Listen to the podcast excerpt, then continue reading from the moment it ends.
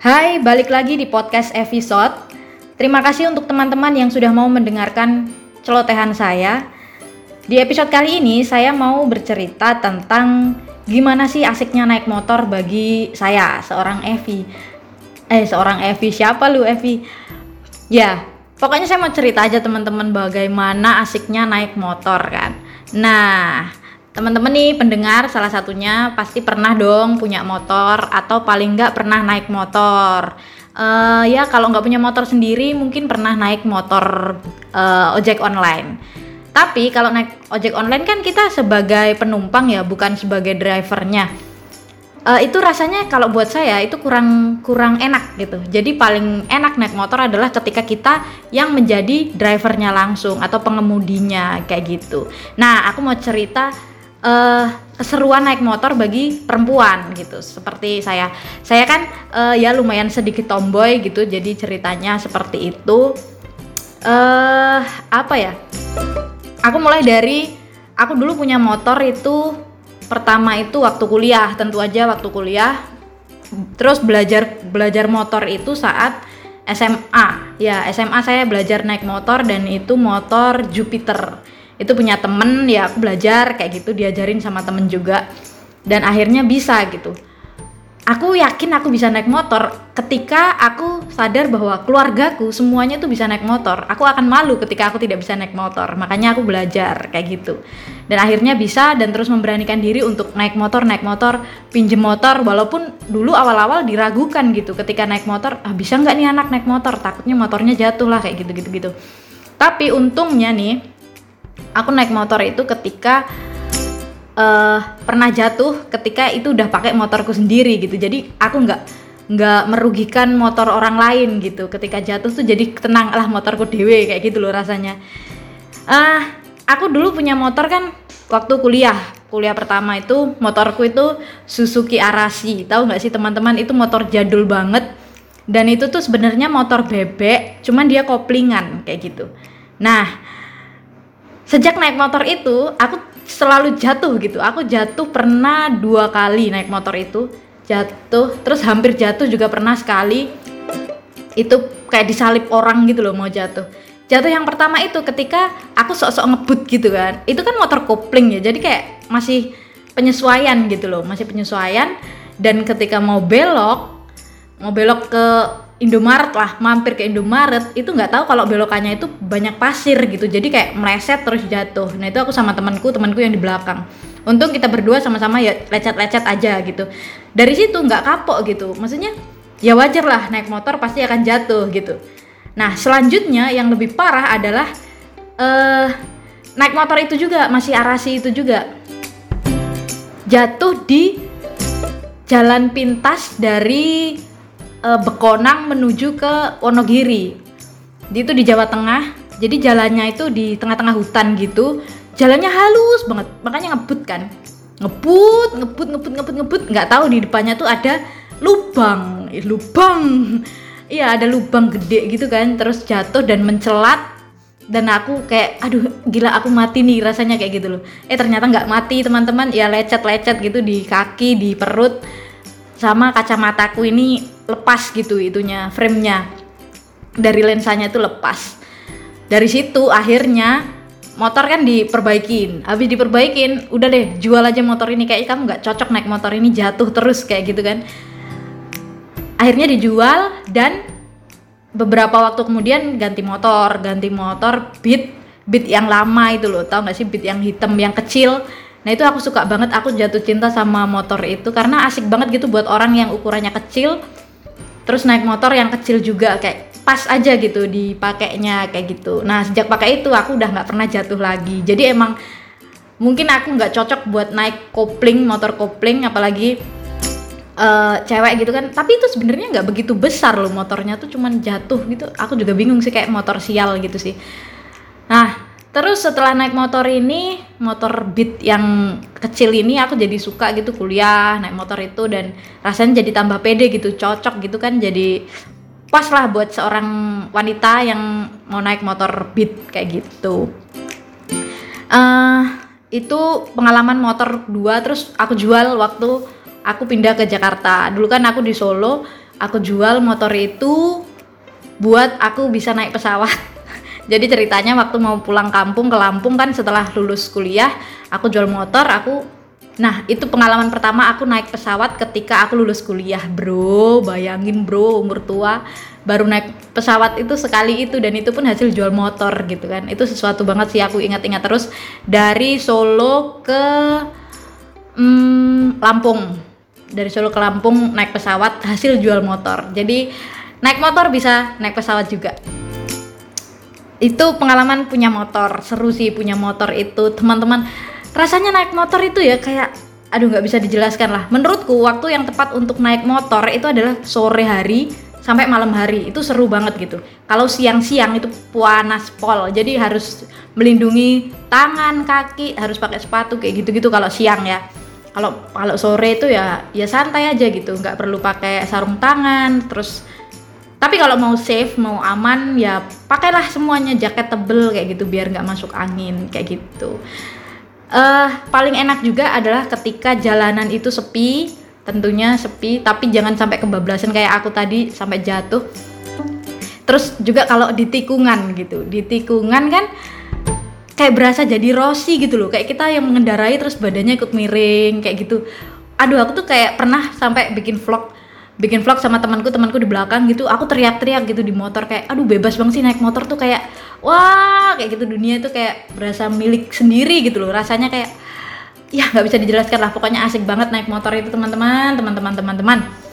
Asik banget lah jadi Rossi sumpah jadi Rossi uh, eh, apalagi ya?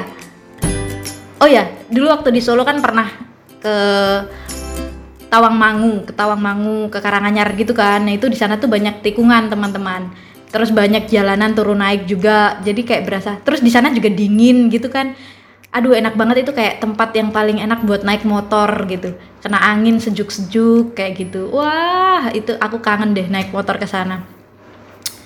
Tapi teman-teman, pernahkah teman-teman ditilang polisi ketika naik motor? Aku pernah aku pernah ditilang gitu. Maksudnya ada operasi gitu kan terus aku ya aku santai gitu kan. Aku punya SIM aku punya STNK aku pakai semua pakai lengkap pakai helm pakai jaket semua lengkap lah. Lampu aku nyalain kan waktu itu. Jadi waktu itu ceritanya adalah aku ke Madiun ke tempat temen. Terus waktu perjalanan pulang aku di pulang atau berangkatnya ya pokoknya ada operasi gitu kan aku kena cuy. Di, diberhentiin terus di surat-suratnya mana? Lengkap semua dong lengkap. Aku tenang aja gitu. Terus bapak polisinya masih gini cuy. Mbak kena mbak melanggar satu peraturan kayak gitu. Apa pak? Aku kan bilang gitu dong. Maksudnya aku melanggar apa gitu? Eh ternyata teman-teman ternyata ini apa ceklekan helm itu aku lupa buat diceklekin. Jadi kayak masih masih lepas gitu loh. Nah sejak itu aku udah pokoknya setiap naik motor helm harus selalu diceklekin kayak gitu. Dan kena berapa teman-teman? Kena 50 ribu rupiah. Sedih sih itu kayak rasanya pak cuman gini pak aku mahasiswa nih pak aku butuh makan gitu rasanya kayak. Tapi ya udahlah daripada aku harus ke pengadilan dan pengadilannya ada di Madiun kan sedangkan aku harus pulang ke Solo gitu. Ya udah akhirnya aku bayar 50 ribu gara-gara nggak nyeklekin helm nyeklekin ceklekan helm itu sesuatu yang ngenes banget sih menurut aku. Jancuk bapak polisi. Kayak rasanya aduh gitu kan. Itu pengalaman yang ketilang karena ceklekan ceklekan helm. Terus sekarang ini aku di Surabaya alhamdulillah belum pernah kena ceklek eh ceklekan kena operasi karena jarang banget ada operasi di sini. Dan kalau kita hmm, apa tertib berlalu lintas ya pasti kita nggak akan ditilang gitu Padahal sekarang ini posisinya adalah SIMku mati dan aku belum memperbaruinya gitu. Jadi ya agak deg-degan juga kalau naik motor di Surabaya gitu.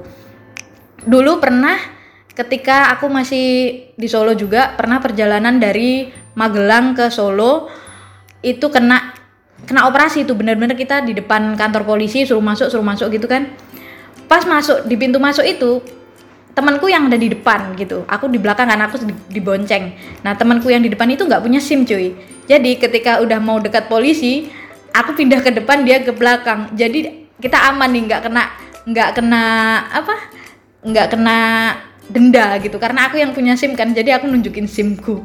Aku jalan lagi ke depan terus habis itu udah jauh dari kantor polisi eh dia balik lagi ke depan. Kayak gitu. Itu seru banget sih pengalaman. Tapi temanku satunya yang naik motor satunya yang sendiri itu kena denda dan harus uh, bayar gitu karena dia nggak punya SIM. Gila sih dulu kayak berani banget gitu nggak punya SIM tapi kita pernah sampai keluar kota kayak gitu. Itu sesuatu yang something good in everything I see dan lucu rasanya. Apa sih ah lanjut teman-teman. Hmm, perjalanan paling jauh naik motor. Pernah ke mana aja? Aku pernah ke dari Solo ke Kebumen Kebumen Solo itu naik motor sendiri. Dan itu perjalanan 4 jam kurang lebih 4 jam. Dan aku belum tahu saat itu tujuanku ke mana. Maksudnya aku belum pernah ke sana. Pokoknya aku mengandalkan Google Map. Jadi aku pakai headset. Dan selama perjalanan aku pokoknya ngeset HP ku ini jangan sampai lowbat gitu. Karena aku 4 jam harus sudah sampai sana gitu kan. Dan akhirnya mengandalkan Google Meet eh Google Meet. Mentang-mentang sekarang pak sering pakai Google Meet ya pakai Google Map dan ya sampailah di sana di Kebumen itu waktu dulu magang kan ceritanya.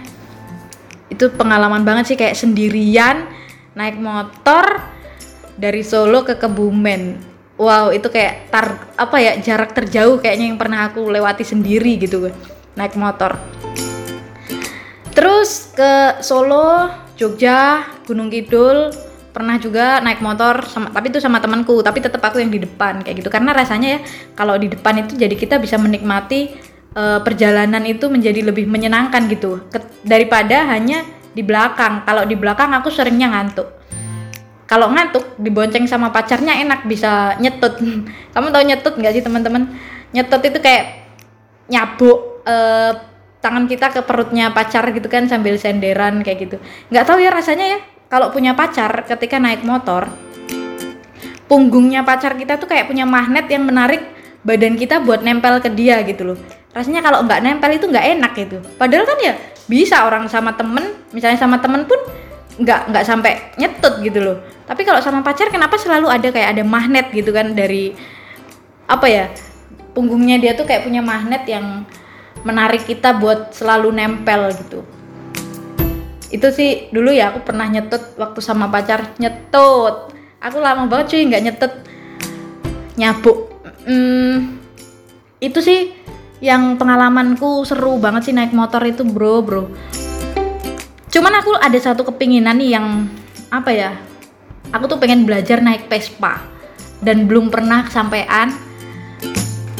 Pernah sih punya kenalan gitu dia punya Vespa. Tapi ya nggak enak lah masa baru kenal terus eh ajarin naik Vespa dong kayak gitu kayak ah ah, ah gitu loh. Rasanya kayak aneh gak sih?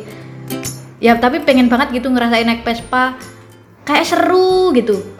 Dan akan selalu jadi keinginanku sih sampai nanti akan terwujud ya. Ya itu sih sharing-sharingku ini. Kayak cerita-cerita aja sambil biar aku konsisten gitu bikin karya, bikin podcast daripada aku bangun siang terus kayak gitu kan. Ya mending ngobrol-ngobrol. Sekarang mulai bangun pagi. Kayak gitu sih teman-teman. Terima kasih yang sudah mau mendengarkan podcastku ini. Oh ya ada satu lagi. Uh, ini nih aku seringnya bolak-balik gini nggak apa-apa ya teman-teman. Maafkan. Jadi aku tuh pernah kan aku tuh jerawatan ya orangnya. Berjerawat gitu mukanya. Itu ketika aku kuliah. Dan saya rasa nih saya rasa adalah ketika hmm, saat kuliah itu kan aku sering naik motor ya naik motor pulang pergi pulang pergi naik motor dan kira-kira perjalanan ya 15 menitan gitu naik motor. Itu yang membuat wajahku berjerawat karena sering kena debu jarang pakai masker ya kita pakai helm cuman kan nggak melindungi seutuhnya gitu kayak. Dan dulu itu kayak skincare itu apa gitu kayak belum kenal jadi ya setelah itulah wajahku berjerawat bergeronjal-geronjal seperti jalanan yang sering aku lewati terima kasih teman-teman yang sudah mendengarkan podcast episode. Semoga uh, teman-teman uh, tidak kapok mendengarkan podcast Evi. Terima kasih selamat beraktivitas. Bye bye